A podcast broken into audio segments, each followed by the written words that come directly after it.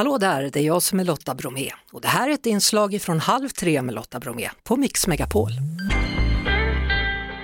Adriano Maglitza han är nationell samordnare av stora vägbroar på Trafikverket. Välkommen till Halv tre. Tack så mycket. Om jag har förstått det rätt nu Adriano så började du din karriär på Ölandsbron.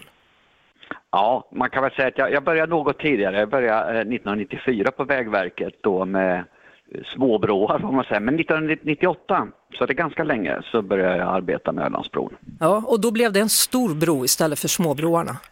Uh, ja, det kan man säga. Vi hade inte infört det här begreppet nationell samordnare för stora broar vid, den tiden. Så att, uh, det var en av våra, eller det var den största bron i den regionen som jag arbetade i då. Mm. vad gör man som nationell samordnare för stora vägbroar?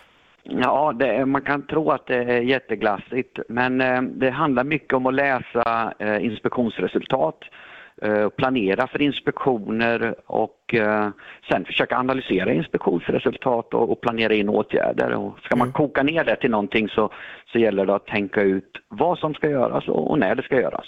Hur mår 50-åringen då, Ölandsbron?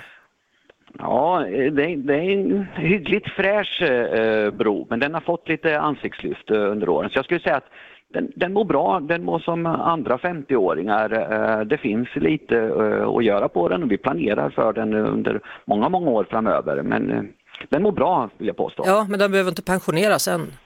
Den behöver inte pensioneras och ska inte pensioneras. Jag gjorde någon, någon stor utredning på tidigt 2000-tal i Vägverkets regi där vi tittade på kan man säga, ekonomisk livslängd och då ska den kunna stå där fram till i alla fall i slutet av, ja, efter, senare än 2070. Mm.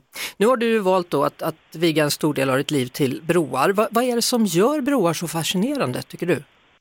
Ja, det är väl en, det är en mix av eh, av teknik eh, men också den, alltså det är roligt att följa den påverkan som en bro ofta får. Det, det kan ju vara eh, lite olika i Ölandsbrons fall till exempel så när det är den enda förbindelsen kan man, kan man över tiden följa eh, ja, vad som händer på, på en ö som på Öland. Vad händer mm. med befolkningsökningen eller minskningen och så vidare. Men, men visst är teknik någonting som, som kittlar extra mycket. Jag mm. jobbar ju med hängbroar också som Höga Kusten och Älvsborgsbron och det, det, det är superintressant. Mm. Gissar jag rätt om jag gissar att du tycker att Höga Kustenbron är vackrast?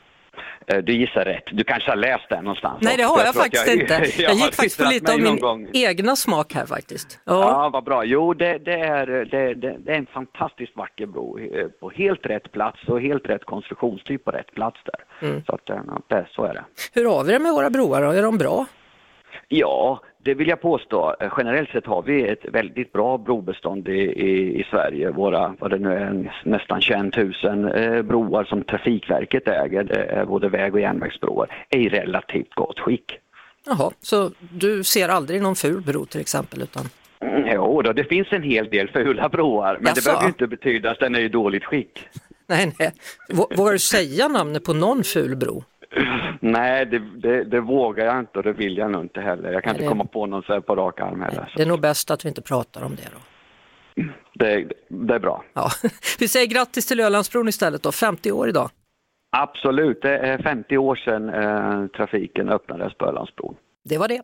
Vi hörs såklart igen på Mix Megapol varje eftermiddag vid halv tre. Ett poddtips från Podplay.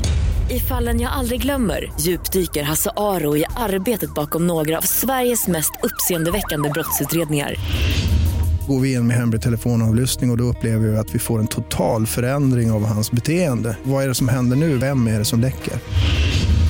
Och så säger han att jag är kriminell, jag har varit kriminell i hela mitt liv men att mörda ett barn, där går min gräns.